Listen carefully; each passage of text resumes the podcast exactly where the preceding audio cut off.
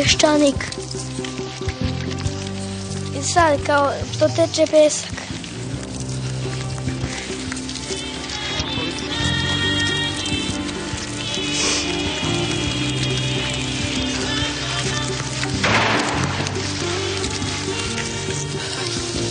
On je čovjek dosadan. On je čovjek dosadan čovjek. On je uvijek bio dosadan.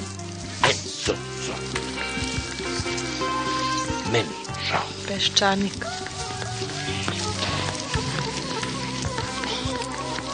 Opšta histerija. Beda, ljudska beda, ne samo ekonomska, nego i neka, ono, intimna, lična. Daj bilo šta. Daj, samo da se ušti nešto. Daj da bude moje. Nama je žao. Nije bilo dovoljno snage da kažem. E, so, so. Meni je žao. Redka je generacija koja je dobila takvu šansu kao ova. To je tragična politička generacija. Ni štetu nisu napravili veliku.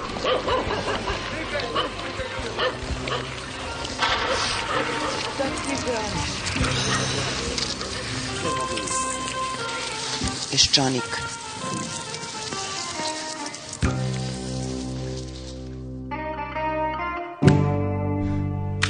Dobar dan. jer osjećate da smo bezglavljeni? Naši državnici i političari su se povukli u ilegalu, neko u šumu, kao dosovci koji u nekom lovištu kraj sela Marovići već, već šta da se radi. Pitanje je da li premijer priziva duh Josipa Broza koji je tu nekada lovio, da ga pita kako ti uspevalo stari da vladaš pa još da te vole. A predsjednik, e to je pravo nagradne pitanje, gde nam je predsjednik? Posljednje što sam čula od njega je da se e, preko Kobajagi izvoza oružja Iraku vodi kampanja protiv njega lično i njegove stranke. Rekao je da su ti migovi 21 onako zarđali. I e, sad je pitanje da li se posle bruke i priznanje da smo kršili embargo krije negde i samo kažnjava udarajući se po leđima rezolucijom Ujedinjenih nacija ili možda lično šmirgla zarđila deloma miga, ne zna se, ali će maca izaći na vratanca kad mu dođe besni Jack Straw, britanski ministar spolnih poslova, čiju radnu posetu Beogradu najavljuje Londonski Times. Englezi možda jesu samo američki poručnik za Europu, ali poročnici su sasvim jasni. Pedi Ashdown, protektor Bosne i Hercegovine, je nedavno rekao Vrata Evrope vam neće biti za ovek ovako širo otvorena. Ne računajte na to da bi molbe i apeli za milost mogli da budu vaše ulaznice za Evropu, a pre neki dan je dodao birajte put za Bagdad ili put za Briselu. a svi su kao izabrali, Šešelj je bio kod Sadama i poklonio mu sablicu Dimiskicu da odseče glavu Amerikancima, Đinđić je izabrao Brisel, ali ne sva osnovna demokratska pravila koja važe na tom putu, a Koštunica misli da je najbolje da se ulogorimo na sredini. Tog čoveka bi neko morao da obavesti da sredina više ne postoji. Zastrašujući taj voluntarizam na našoj političkoj sceni, Đinđić, na primjer, sam proglašava probleme, imenuje ih, reši ih ili ih skida sa dnevnog reda kada mu se prohte. Na poslednjoj konferenciji za novinare, eto, rekao nam je da ga više ne nerviramo pitanjima o saradnji sa Hagom, on je svoje uradio i sad dosta.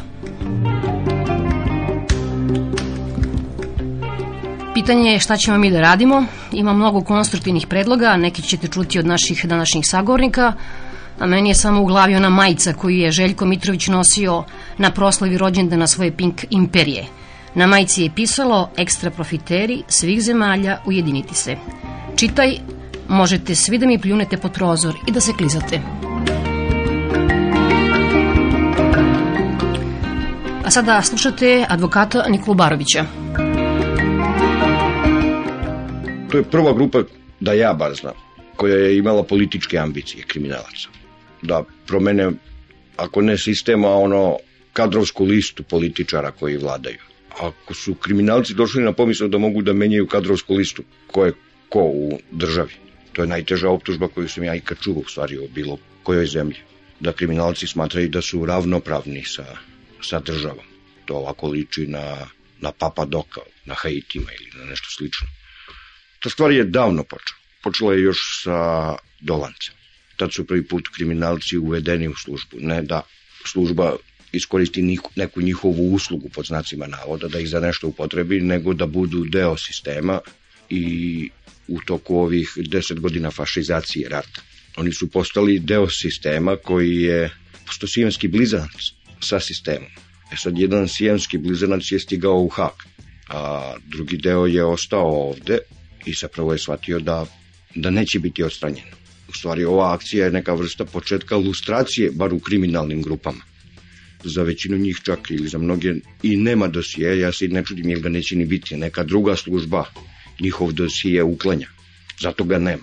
Ali to pokazuje da oni jesu deo sistema i nakon 5. oktobra su zapravo imenom Đinđić i imenom Koštunica krivi što je došlo do toga da deo sistema ostanu kriminalne grupe, jer su oni u međusobnoj političkoj surevnjivosti i borbi za nasleđe, za Miloševićevo nasleđe, zapravo od ljudi koji su u Miloševićevo vreme njemu bili na dispoziciji, napravili sebi hteli ne hteli partnere. Krivica je direktno, samo ko niči ne izinjeće.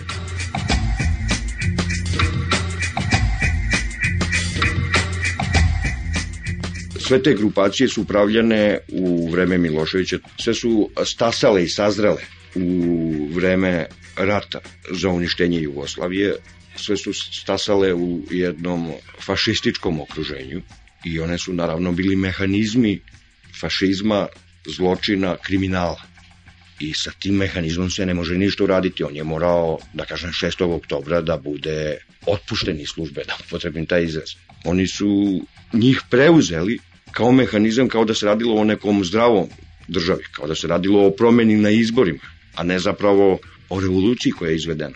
I tu se vidi da su i premijer i predsjednik zapravo jednim delom apolitični. U onom smislu u kojem je Milošević bio apolitičan da ne shvata šta se događa u spoljnjem svetu, pa da u odnosu na spoljni svet postoji i unutrašnji Beograd, bio autističan zapravo za bilo šta na celoj zemaljskoj kugli. Tako su ova ljudi autistični zato da oni ne mogu koristiti mehanizme koje je Milošević pravio za sebe, oni su jednostavno nepodobni i kriminalizovani i u ovom najbukvalnijem smislu reči. Ja ne znam da li neko može da zamisli Josipa Broza i da kaže da Vujković i Kosmajac šefovi policije pod okupacijom moraju ostati ili oni znaju taj posao da rade pa nema ko drugi. Naravno, Broz nije bio toliko apolitičan, to se vidi po tome kako je znao da, da plovi i, i unutar zemlje i po svetu. Njih dvojica su očigledno u tom smislu apolitični i zapravo su ljudi koji sami sebe optužuju da imaju simpatije prema tome. Simpatije iz, da kažem, svojih pragmatičnih razloga da bi imali bolje pozicije u međusobnom nadgornjavanju. Ko će biti značajniji ili ko će voditi Srbiju. Pominjani Koštunica i, i Đinđić, oni znaju odgovor. I ko su ubice Čurovije i ko su ljudi koji su uhapsili zapravo Ivana Stambolića i znaju šta je ih sudbina Ivana Stambolića, ali iz ovog razloga što nisu iz državnog mehanizma udaljili ove ljude, oni dođu do situacije da im takve grupe imaju političke ambicije i da oni na ovaj način moraju da počnu da vrše ilustraciju. Njihov razlog, tada proklamovani javni politički, je bio da bi nagli zahvati u vojsci, odnosno u policiji, što treba čitati u KOSu generalštabu. generala štabu i SDB-u bili opasni za bezbednost države. A zapravo jedino što je i najopasnije za bezbednost države je bilo ostanak tih ljudi. To je ta zavera čutanje na koju ne ilazi Mihajlović. Zato ona postoji. I naravno da su onda ovakve grupe shvatile da oni imaju ogroman manevarski prostor koje nisu imali nikad ni u jednom sistemu, no, ni u ex-Jugoslaviji, ni u ovoj pre toga, niti imaju bilo gde u svetu.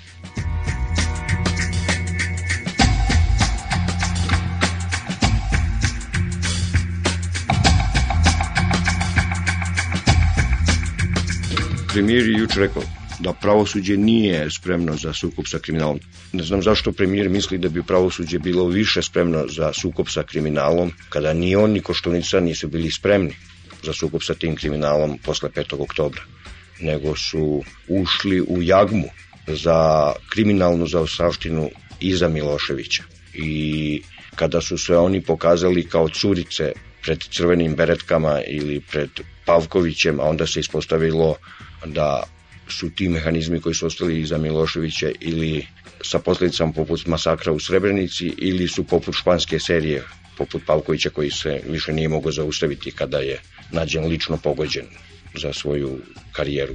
Tako da primjedba da pravosuđe nije spremno mora pre svega biti spreman premijer i predsjednik za sukob sa kriminalom. Ne može ga pravosuđe rešiti najspremnija za sukob sa kriminalom je predsjednica Vrhovnog suda, ali to ona sama ne može uraditi.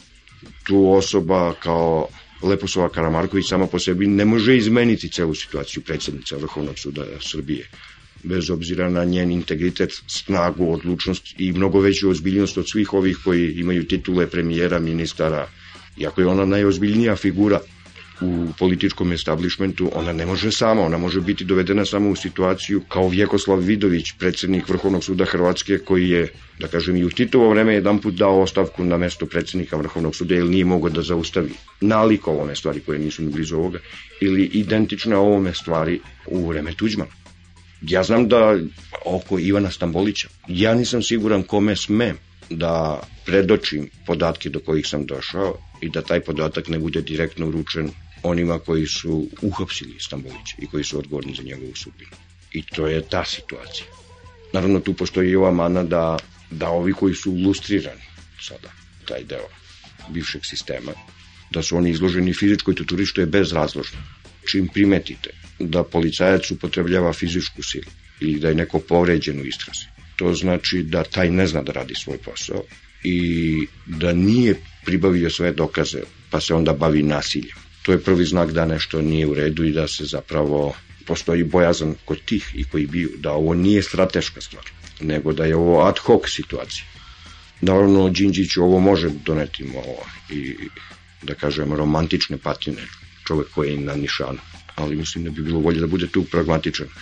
Koliko je se bilo pragmatično sa monetarnim sistemom, sa bankarskim sistemom, moralo se mnogo brže i efikasnije biti pragmatičan sa državnim sistemom pre svega policijskim, vojnim i sudskim. To iz ovih razloga su revnjivosti njihove nije urađeno i naravno teško da može da opstane i bankarski ili bilo koji drugi sistem. Bez Đelića u policiji, da kažem nekog, bez volje da se Leposovi Karmarković daju mogućnosti i zakonske da uradi nešto u sudstvu, ja se plašim da će ona stvarno doći u situaciju kao i Vjekoslav Vidović, da može samo da podnese ostavku, jer zapravo Koštunici i Đinđić to sprečavaju. I Nikola Barović i advokat Srđe Popović su pre nekoliko mjeseci predlagali da se kod nas uvede institucija specijalnog tužioca, jer smatrali su naši javni tužioci ne rade dobro svoj posao, a i pod velikim su uticajem političara. Naravno, ništa od specijalnog tužioca u Srbiji do sada. A sinoć je Srđe Popović e, gostovao na tribini u Somboru. Danas ćemo čuti samo ono što je odgovorio jednom čovjeku iz publike koji ga je pitao e, kako komentariše Đinđićevu izjevu da naše pravosuđe nije pripremljeno da se obračuna sa kriminalom. Ja mislim da je ta izjava strašna. A mogu da vam samo kažem da je pre izvesnog vremena sam video izjavu ministra unutrašnjih poslova koji kaže da on nije hapsio Ratka Mladića zato što Ratko Mladić ima suviše jako bezbuđenje. Ta cela vlada je ko neka gerila u ovoj zemlji, pa se iz neke ilegale boji, a legalno je neko drugi, očigledno, mislim, ako oni su tako nemoćni, nemaju pravosuđe, nemaju policiju, gde je vlast? Mislim, to je ono što je zabrinjavajuće, što vi u ovoj zemlji ne znate u stvari gde je vlast, ako nije u institucijama, gde je? Jedna iluzija i kod Đinđića i kod da se može tranzicija iz jednog sistema koji je apsolutno bio institucionalizovani gangsterizam, da se može peći u nešto drugo bez potresa. Samo da ne pravimo neki potres, pa ćemo mi iz one mafijaške države da pređemo sad u evropsku demokratsku. Pa to bi bilo najbolje kad bi moglo, ali tu se radi o dva takva kvaliteta između kojih nema nikakve dodijene tačaka. I tu jeste stvarno potrebna neka plišana revolucija koja se nije dogodila ovako terati kao business as usual, to neće niko dovesti. Većinu tih ljudi koji su na vlasti znam kad su bili studenti, pa sam kazao meni o jako liči na decu na vlasti. To je se dogodilo bilo i 45. godine. Ljudi su sa 20 nekom godom bili generali, ministri i hajali. Ali je bila jedna stvar koju, koju ljudi zaboravljaju. Tito je bio od svih njih stariji po 30 godina. On je imao 50 godina kad se našao među tom Balavodijom. I oni su njega slušali. Ovdje čak ni to ne postoji nego ta deca se stalno svađaju piške u gaće i tako sve te stvari koje rade. Nikog nema da im kaže čekajte polako, ozbiljite se. To mi je pričao jedan kolega koji je bio u Vrhovnom sudu u Vojnom, neposredno posle oslobođenja, to je bio znači kraj oktober, novembra, ko što smo sada. Svi su se oni skupljali, kažu, u Belom dvoru. Dođu tamo kod Tita, da su blizu njega, pa se tu pije, kaže, sede, puše, pričaju, prave spiskove koga da pse, kaže, to je tako izgledalo. Dok jednog dana ti to nije kazao, šta radite vi ovdje? A svi na svoje mjesta, šta ste, ti si ministar, ti u svom ministarstvu, što se skupljate ovdje, šta, šta ste vi ovdje? I je tu bulubentu. Te evolucije se teško institucionalizuju. Oni su svi odrasli zajedno, zajedno su bili disidenti, zajedno su bili po tim demonstracijama, sedeli po nekim stanovima, ogovarali Miloševića i Miru Marković i sad im je jedan put teško da shvate da je jedan od njih predsjednik države, a drugi je premijer, a ovaj je ministar i da ako ti, ako ti to pajtos, to je jedna stvar, ali njegovu funkciju moraš da poštuješ i moraš da znaš dokle dopije tvoje funkcije, odakle dopije njegova, a to vojo, zoki, ovo ono, to ostavite, to ne spada tu. I to je, to je njihov problem priličan a nemaju nekoga ko Tita koji bi im to sad podijelio te čvege i objasnio kako izgleda država.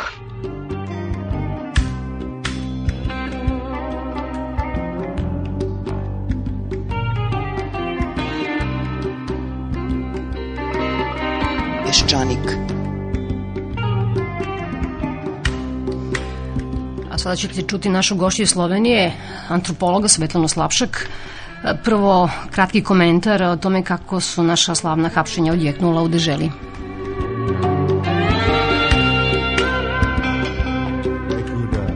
Kada je to objavljeno na BK, to je bila vez dana. Nema nikakvog dvomljenja. I imam utisak da je jako mnogo ljudi gledalo upravo BK televiziju zbog te vesti. To je bio bum priličan.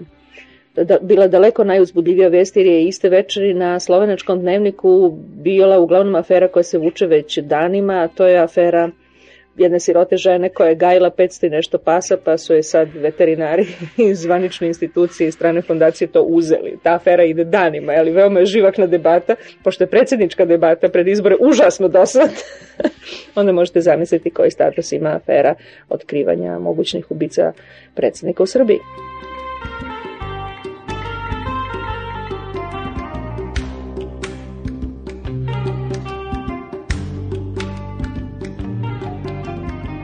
imali smo problema sa studentima uh koji malo, malo pa štrajkuju glađu. Poslednji neverovatan je bio kad jedna skupina ljudi za istoriju umetnosti štrajkovali su glađu, ali su odmah prestali štrajkuju glađu kad im je obećano da će im smanjiti literaturu. Obim literaturi će smanjiti. Ti studenti su duboko uvereni, očigledno, nisu čitali. Očigledno žive sa idejom da su deo društva, da društvo brine za njih i da društvo treba da za njih e, nalazi rešenja, jel? za bilo šta. Ovo je jedna zaista veoma naivna i zapravo veoma patrijarhalna, zadružna ideja da društvo treba da vam obezbedi bilo šta jel? i bilo kada. I nažalost to je takva suprotnost e, sa onim što treba da nauče građani danas da je to prosto tragično ono što je najgore što ja vidim u Srbiji jeste da veoma mnogo političara i zvaničnih ljudi tvrdi narodu da treba da se nauče na to da plaćaju sve bez razloga i ne misleći to. to je već malo mnogo gore. Ja mislim da taj, ako hoćete, patrijarhalno, arbitrarno zmišljenje i neoliberalizam zajedno predstavljaju dosta ubistvenu kombinaciju u kojoj ćete imati nekoga ko će štrajkovati glađer, nije dobio na vreme kafu u restoranu ili bilo što slično. Jel? Dakle, stvar je zaista opšteg vaspitanja. Kažem, ne mogu da krivim te studente, to je očigledno zapušteno štrajkovi, glađu, voluntarizam, nerazumevanje sistema, s jedne strane odnos prema vlasti, sa druge strane taj ljubavni odnos sa izborima novita, erotizam izbora, će da glasam pa za bilo koga. Jel?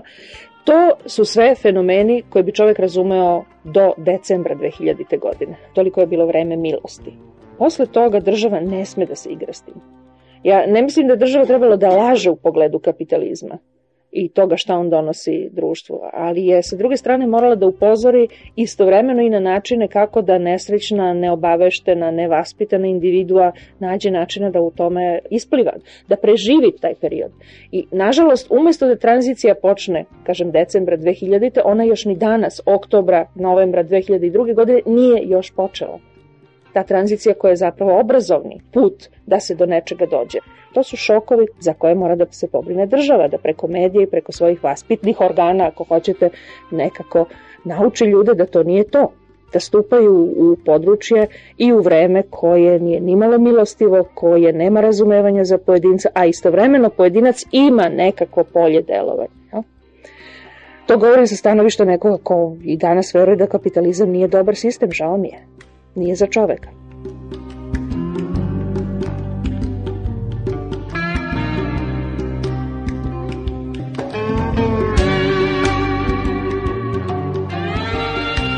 niti su oni bolji, niti su gori od političara u svetu, ali su oni jednostavno dopustili da u vlast uleti poplava ljudi koji su tražili samo jedno, brzi uspeh, brzu karijeru i brzu nadoknadu, a i sami su nažalost, i preko medija i u svojim govorima i preko svojih predstavnika razvijali ideju da smo svi nešto zaslužili time što smo pobedili oktobra. Izvinite, niko nije ništa zaslužio sem novih dužnosti.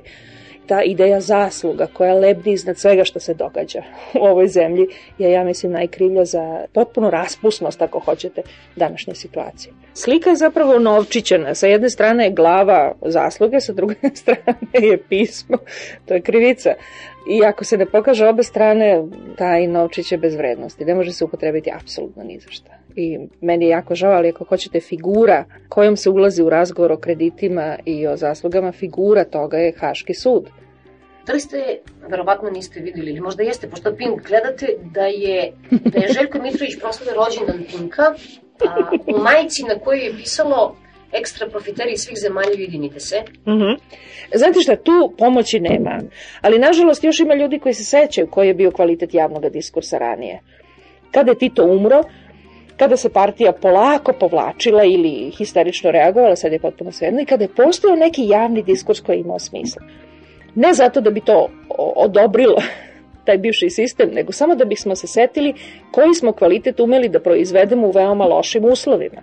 I zbog tog sećanja, zbog tog nesrećnog sećanja danas čovek još uvek ne može da prihvati da na televiziji gleda na Pinku lepotice koje govore u mikrofon jer drugačije tehnički ne mogu da se organizuju. Onda vidite pet lepotica od kojih svaka ima oralni odnos sa mikrofonom. od tih tehničkih primitivnosti i vulgarnosti do recimo slika dece jednog od Karića koji čitaju očenaš pred patrijarhom i to je vest koja zausima polovinu dnevnika na njihovoj televiziji. Ta vrsta vulgarnosti i primitivizma je nešto potpuno novo. I tu vrstu privatne vulgarnosti, ako hoćete. I strahota je omogućio Miloševićev režim, ali novi, nova vlast nije učinila ništa da to spreči ekonomskim merama. I naravno niko pametan ne može da veruje da istovremeno kada ministar svima poručuje da treba da plaćaju poroze, ta ista država nije u stanju da ograniči pink ili da na neki legalan način reši taj zaista skandalozni problem. I u toj stvari imate potpuno pometnju u kojoj se Pink pojavljuje kao simbol slobodnih medija i već sve ostalo. sve manipulacije su razumljive zaista jedino u savršeno neorganizovanome društvu.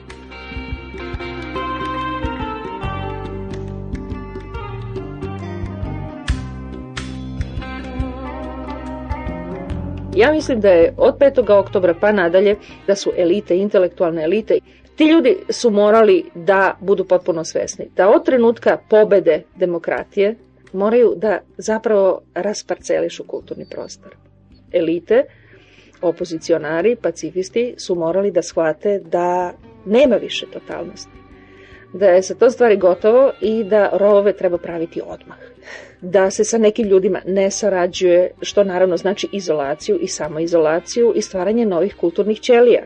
Kada se posle godina i godina produktivnog rada na sobstvenoj parceli, na sobstvenoj njivici, proizvede izvesna intelektualna vrednost, da se onda na osnovu toga mogu stvarati dogovori, ali stvarati dogovore odmah to znači zapravo svima dati oproštaj.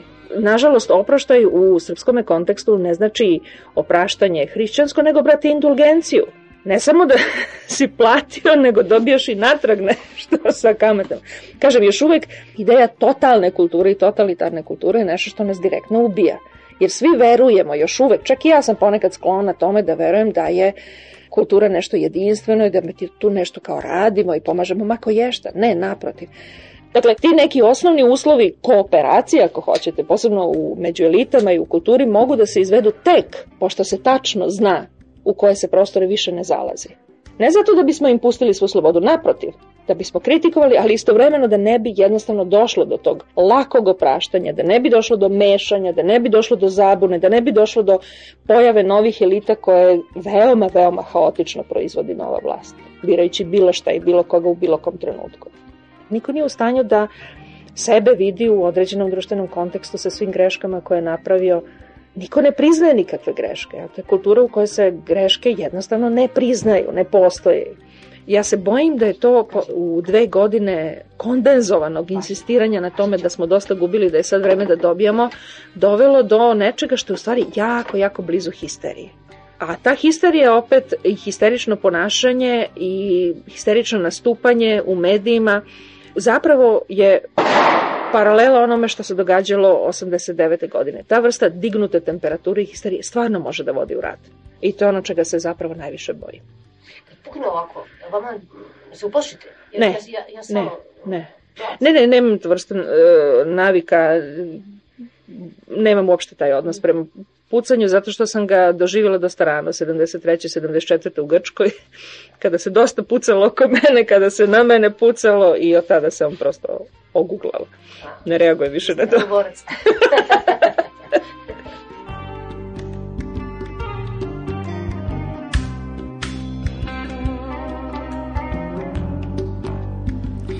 Bilo je ovo Svetlana Slapšak, sada znate zbog čega ona redovni i bit će redovni kolumnista emisije Peščanik. A nedavno je Centar za proučavanje alternativa koji vodi Milan Nikolić e, predstavio rezultate, vrlo zanimljive rezultate istraživanja po kojima ispada da u Srba skoro da nema nacionalista. Vi slušate Milana Nikolića i šestogodišnjeg Vasilija koji reprezentuje uvređene srpske nacionaliste.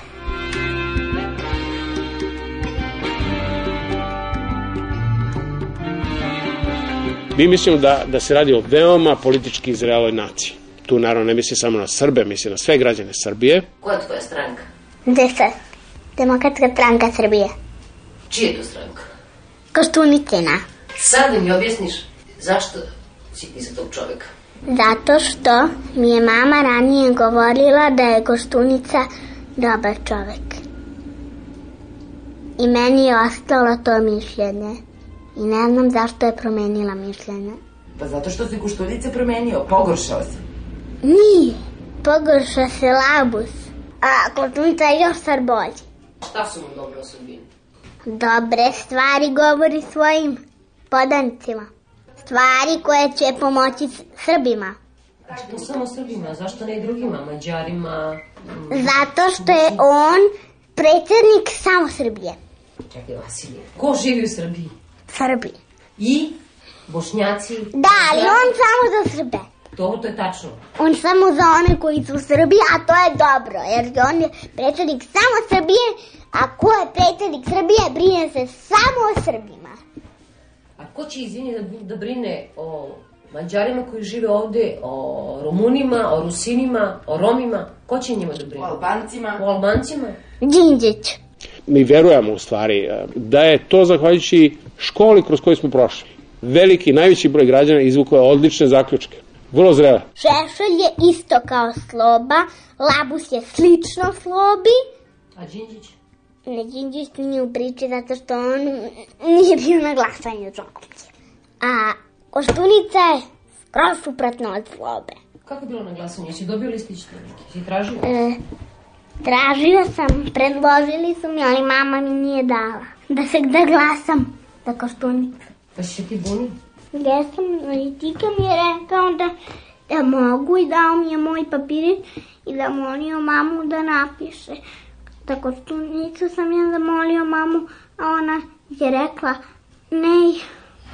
Tako da sam ostao ono bez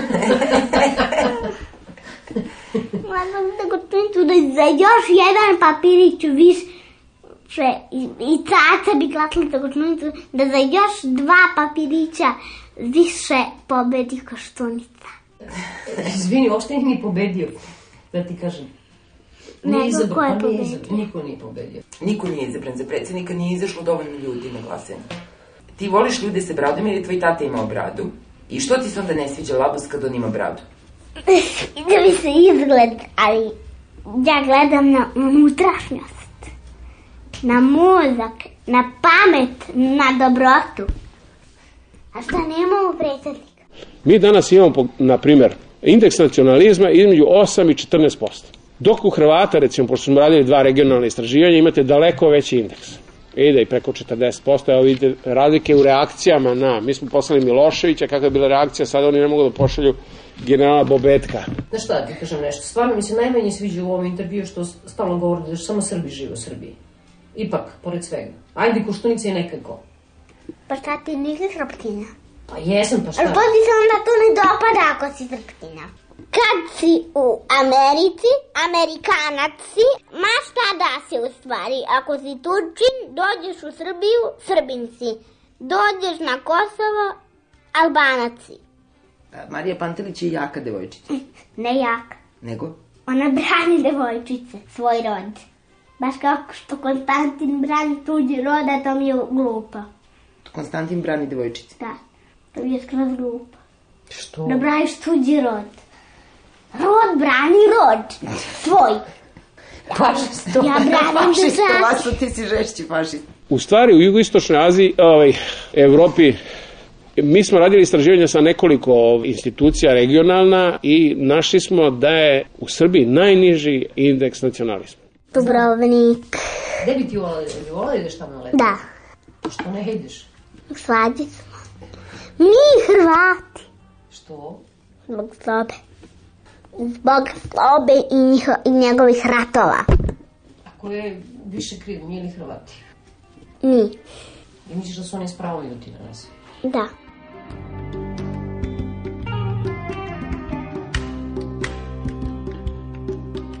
Peščanik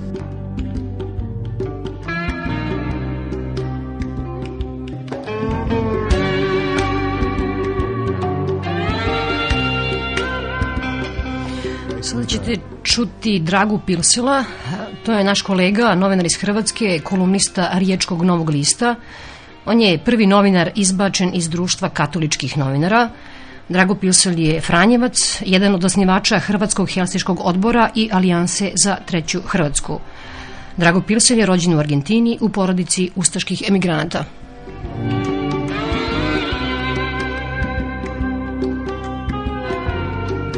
sad govorim kao katolik i kao teolog, ne vira me potreba hrvatskih biskupa da se suprostavljaju provođenje međunarodne pravde. Bozanić, nadbiskup Zagrebački, predsjednik Hrvatske biskupske konferencije, je meni predavao kanonsko pravo. On je stručnjak za pravo. I kad on napiše ili supotpiše u izjavi da Hag želi izjednačiti napadača i onoga koga se brani, i želi nivelirati krivnju između Srbije i Hrvatske. On duboko vrijeđa svoju struku. Dakle, i to me nervira. Razgovaramo trenutak nakon što je Dejan Anastasijević dobio ovu nagradu za hrabrost u Nunsu. Ja ne vjerujem u slučajnosti. Ja imam jednu rečenicu koja kaže da su slučajnosti kao ptice na rame Svetoga Franje. Ja nisam slučajno danas ovdje. Ja sam danas ovdje zbog toga što sam 1991. godine nakon što su mi ubili brata, on je bio hrvatski vojnik i brat je poginuo 23. oktobra 1991. godine nakon razmjene vatre između jugoslavenskog patronog čamca 178 i jednog hrvatskog brodića neoznačenog blizu otoka Šipana. Toga dana sam ja shvatio dilemu. Ja sam tada još uvijek bio Franjevac, redovnik, monah, kako god hoćete. Kandidat za svećenika, studirao sam teologiju u Rijeci. Toga dana sam ja shvatio dilemu za ostatak mog života. Hoću li dopustiti da me pobjedi mržnja, želja za osvetom, koja mi neće vratiti brata, koga sam jako volio, imao 23 godine, je dakle bio 6 godina tada mlađi od mene. Ta me mržnja, ta me osveta neće uspokojiti. Ili ću se okrenuti onim istinskim vrijednostima zbog kojih ja želim slijediti Svetoga Franje. I budući da sam odlučio ovo drugo, odlučio sam ne mrziti, odlučio sam riskirati svoj mir i svoju ravnotežu i postati utemeljitelj Hrvatskog helsinškog odbora za ljudska prava. Pa izgubiti sve svoje prijatelje zbog toga što sam govorio ne i Srbi su ljudi, neću dopustiti da se Srbe gazi zato što je neko odlučio prebaciti frontu u gradove i baciti te ljude iz stanova, oduzimati im, ne znam, imovinu, zdravlje, život. Dakle, ja sam danas ovdje i imam priliku čestitati kolegi Dejanu zbog toga što sam donio odluku da ću biti etičan. I onda došao sam u Beograd da vidim malo kako diše taj Beograd, došao sam na sajan knjige i upoznao sam fantastične ljude. Sinoć sam bio u Novom Sadu u jednoj kršćanskoj crkvi koja izuzetno veselo nastupa. Evo sad sam tu u Nunsu, razgovaram s vama. Dakle, imao sam prilike vidjeti jedan sasvim drugačiji Beograd od onoga koji lebdi u svijesti većine automatiziranih hrvatskih građana koji dalje dopušta da ga se plaši potrebom da nam neki tamo preko Drine budu neprijatelji.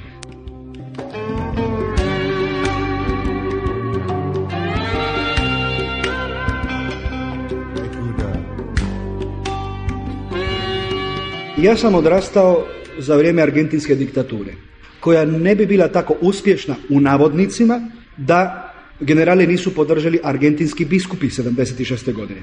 Oni su do te mjere bili kompromitirali crkvu katoličku u Argentini sa vojnim režimom, vojne hunte, da su prešutili ubojstvu dvaju biskupa. Dakle, biskupi prešutili ubojstvo dvaju biskupa.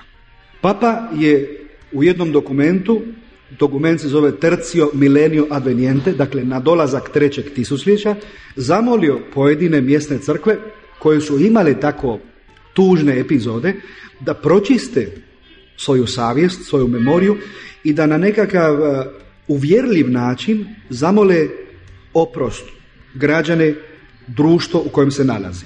Argentinska je biskupska konferencija to učinila. I to se isto trebalo dogoditi u Hrvatskoj.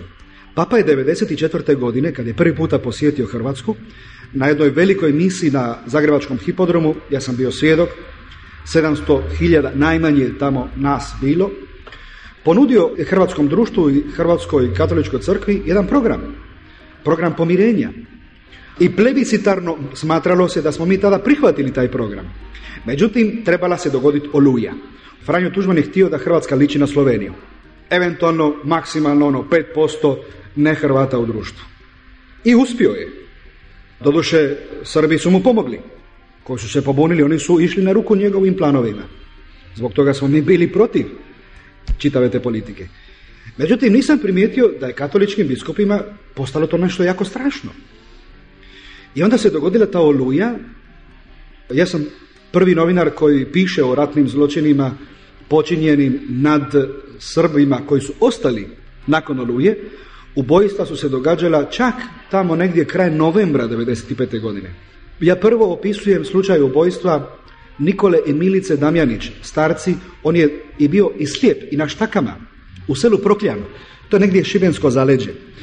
I 12. augusta 1995. godine jedna grupa hrvatskih vojnika je njih izrešetala kalašnjikovima Ja prvi dolazim nakon ubojstva od civila. Došao sam nakon policije koja je napravila užasan posao. Oni su ostavili, jer su ljudi bili i zapaljeni nakon što su ubijeni, ostavili su tamo dio lubanje, e, rebara, ruke, noge, čahure, ja sam čak čahure pokupio. I godina sam vršio pritisak, pisao o tome, naravno ništa se nije dogodilo. Tek 6. novembra 2000. gostovajući na hrvatskoj televiziji iskoristio sam priliku i pokazao čahure koje sam ja pokupio i ispričao priču. I prozvao tadašnjeg, tadašnjeg državnog odvjetnika današnjeg, zamislite, sramotu, VD ravnatelja USKOKA, to je Ured za suzbijanje korupcije i kriminala. On je danas Elliot Ness, da tako kažem. Ne? Eh? I onda je poslao policiju i policija došla do mene i zamolili da predam čahure. Ja sam predao čahure. Čahure su se izgubile. Ljudi su oslobođeni zbog nedostatka dokaza. To je samo jedan mali segment onoga o čemu su biskupi trebali progovoriti.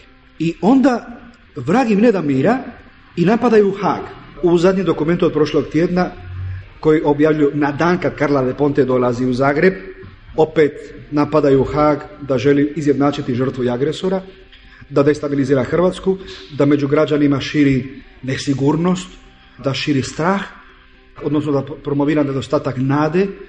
I oni sebe predstavljaju kao čuvari Hrvatstva kao branitelji dostojanstva našeg, kažu, obrambenog rata.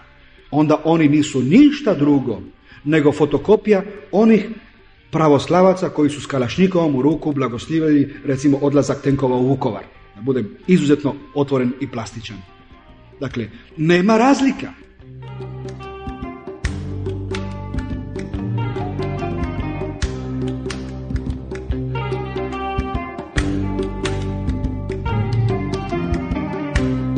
Ja prepoznajem u ponašanje mojih biskupa strašnu želju za moć i za novce. A to nema veze sa evanđeljem Isusa Krista. Sad mene zanima sljedeće pitanje na koje nikome mi ne odgovara. Zbog čega, ako su jako bili ponosni sa svjedočanstvom vjere za vrijeme komunističke partije, kad je preko 600 svećenika ubijeno, zbog čega potrošiti taj kapital svjedočanstva, taj kapital ljubavi i uložiti ga u privatne interese grupe kriminalaca. Jer ti koji, s kojima su se oni ideološki sad odružili, to je hrpa bandita, to je hrpa ubojica, silovatelja, kradljivaca. I oni kompromitiraju evanđelje da bi asistirali politički tu hrpu bandita. Meni to nije jasno. Ljudi koji su poginuli, izgubili živote, poput moga brata, ne zaslužuju šutnju katoličkih biskupa. Ja ne tvrdim da su svi oni poginuli iz nekakvih viših ideala. Ja bih volio vjerovati da je moj brat u trenutku umiranja osjetio da, da mu je život dobro uložen. Jer znam da je učinio velike stvari. Nakon napada na Kijevo, uz jednu staru srkinju od 80 godina i na leđa je prebacio do Drniša. Spasio život jednoj starici. On je u Vrlici sudjelovao nakon teškog napada u prebacivanju više od 300 teško mentalno retardiranih štićenika zavoda u Vrlici koji su bili napušteni i doveo ih u Split. On je spasio puno života. Ali volio bih vjerovati da, da, da te žrtve nisu bile uzaludne. I ne mogu se pomiriti činjenicom da mi taj kapital ljubavi, taj kapital se, nesebičnosti, sebedarija, čovjekoljublja ne možemo uložiti u stvaranju jedne moderne Hrvatske. Zašto je to tako teško? Zašto se to ne svača kao prioritet? Nego prioritet postoje, postoji zadržati uvjerenje E, mase koja kliče Čondiću, koja kliče Thompsonu i njegovih ustaških pjesnica na, na stadionu u Poljudu. Dakle, to je ta publika kojoj se katolička crkva službena dodvorava, a mi koji smo za ljudska prava, mi ne dobivamo njihovu podršku. Dakle, to licemjerje biskupa je nešto što me izuzetno čini nesretnim. Mene, mene zanima kad ti, kad ti ljudi legnu krevet na večer, o čemu oni razmišljaju? Ako se mole, Kakva je slika tog Boga? Jer kad ti napadaš hak, ti u stvari relativiziraš zločine. Ja sam nedavno Živko Kustiću, koji je bio dugogodišnji komentator glasa koncila, postavio isto jedno retoričko pitanje. Inače, poznata stvar Kustić je oženio Srpkinju iz Niša. Dok je bio junak INA zaljubljao se u jednu medicinsku sestru iz Niša, bio je bogoslov tada. I ja njemu postavljam pitanje, čuješ Živko, da je tvoja supruga, da nije iz Niša, nego da je iz Medačkog džepa, ili iz Gračaca i da su horde Janka Bobetka zakljali, iskopali oči, odrezali uši e, tome puncu i tome punici. Da li bi relativizirao zločine kao što to čini sada u svojim člancima u jutarnjem listu? Naravno, odgovora na to pitanje nema i vjerujem da ne bi relativizirao. I ja ne mogu nikad zaboraviti naš razgovor nakon Oluje, kad sam sa argumentima i nakon što je general Červenko i nakon što je čuo podatke koje je Žarko Puhovski u ime Helsinčkog odbora prvi iznio u javnost, ne optužujući tada jer nismo mogli Hrvatsku vojsku, ali iznijeli smo podatke. Ali kad sam ja kao svjedok došao i rekao, Živko, molim te, učini nešto za te ljude, ubijaju ih ko stoka. I onda on meni pred svjedokom kaže, dobro su prošli. I ja sad moram napraviti pauzu jer ne znam što dalje reći. I to je ta moja katolička crkva. Dakle, nismo svi takvi, ali ja moram priznati da, da, da ima i takvih. I da se zbog toga sramim i da zbog toga nisam sretan i da zbog toga imam e, potrebu e, gajiti prijateljstvo sa makojim Srbinom. Evo, neki dan sam potrošio e, čitavo jedno poslijepodne sa kolegom iz reportera, kojim je urednik Goran Tarlač, koji je izgubio brata slične dobi kao i moj brat. Ubili su ga Hrvati kod jajca. Upucali ga dok se spašavao, pokušavao spasiti bježači nakon pada jajca u nekoj rijeci. Srećom, u navodnicima, njihova familija dobila tijelo pokojnog sina, moja majka to tijelo neće nikad dobiti jer je moj brat raskomadan potonuo i ribe su ga pojele. I imam potrebu biti prijatelj s tim čovjekom. Ne zbog nekakvih metafizičkih razloga, nego naprosto imam potrebu da u tom našem malom jednostavnom prijateljstvu, u toj našoj novinarskoj suradnji izgradimo normalne odnose. Normalne odnose koji su obećani svim ljudima na ovoj planeti. A koji ovise samo našoj dobroj volji, samo našem zdravlju, samo našoj odlučnosti da ih držimo živima.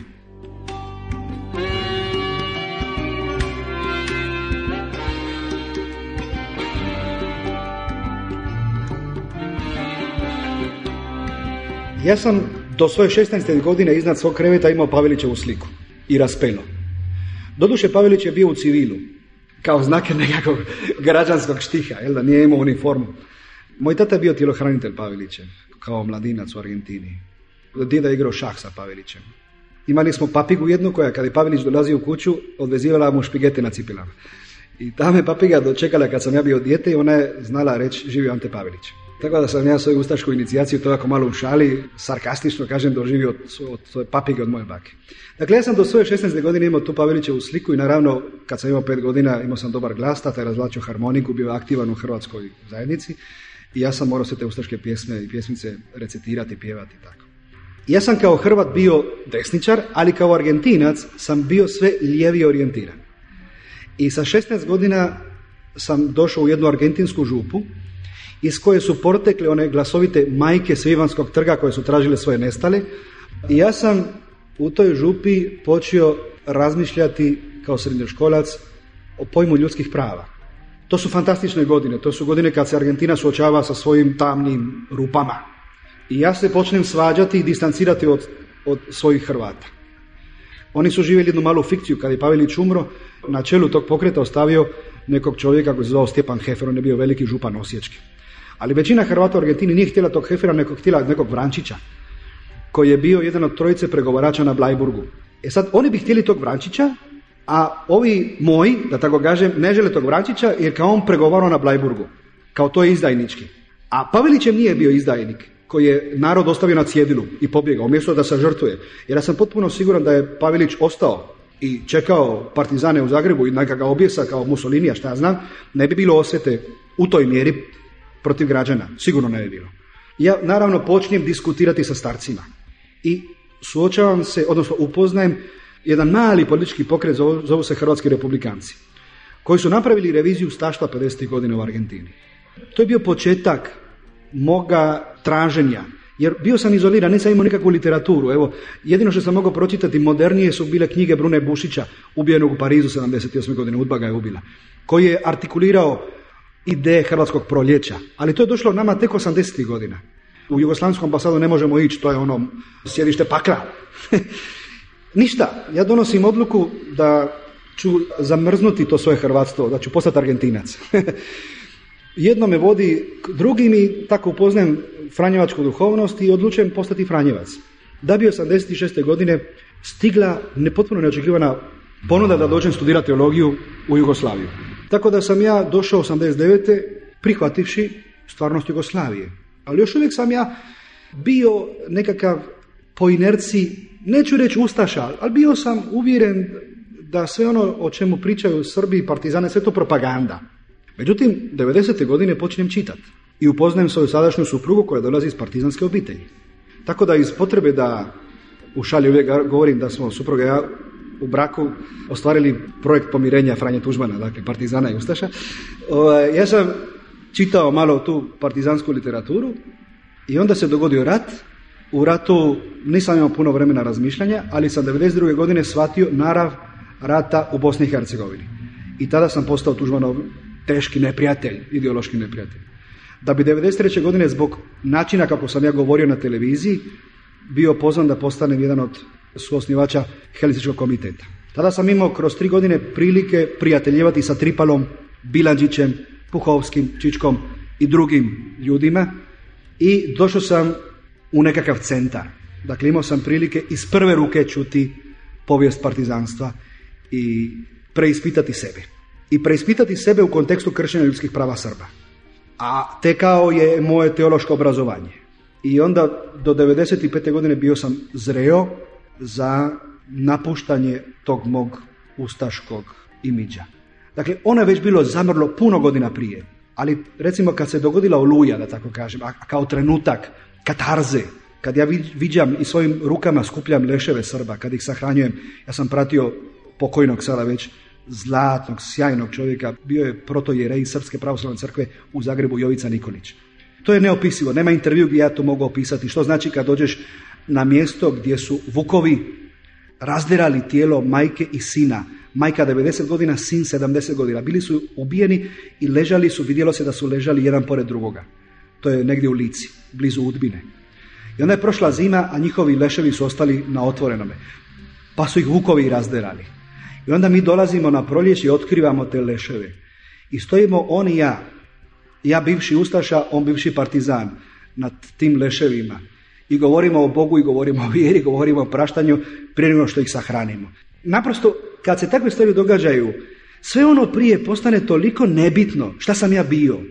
Toliko smiješno, toliko irelevantno. Tako da kad ja u ime Helsinčkog komiteta čitam pismo u kojem govorimo o potrebi osuđivanja svakog totalitarizma i kad svake godine se zalaže za povratak trga žrtava fašizma. To činim zato što tog trenutka ja vjerujem da je to važno za moj život. Ne zbog nekakve poze, ne zbog toga da bi se iskupio zato što sam ja pjevao ustaške pjesme. Ma kvragujte ustaške pjesme. Ja sam naprosto druga osoba. Dakle, narodi Balkana su pozvani kao možda nitko drugi na svijetu da postanu izvorište snažnih procesa pomirenja. Bolje da to napravimo sada dok su stvari svježe, dok, dok, je pamćenje svježe, dok nije nastala nekakva nova mitomanija, nekakva nova mitologija koju ovi narodi imaju, ne znam, izuzetnu sposobnost razvijati svakih 50 godina. Zašto? Zašto tek se suočiti s tim problemima za 15-20 godina kad budemo članice Europske unije? Zašto ne danas?